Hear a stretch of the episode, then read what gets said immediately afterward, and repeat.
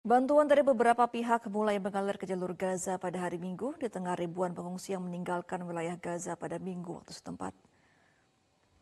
Lebih dari dua per 3 penduduk Gaza yang berjumlah 2,3 juta jiwa telah meninggalkan rumah mereka. Sebagian besar dari mereka menjadi pengungsi di Gaza Selatan. Badan PBB untuk pengungsi Palestina mulai menyalurkan bantuan bagi ratusan ribu orang yang masih berada di Gaza Utara dan kem-kem pengungsian di wilayah Gaza Selatan. Mereka terus berpacu dengan waktu karena dalam beberapa hari ke depan akan mulai masuk musim dingin. Selama akhir pekan, Israel mengizinkan bantuan masuk wilayah Gaza dan menghidupkan layanan listrik ke internet.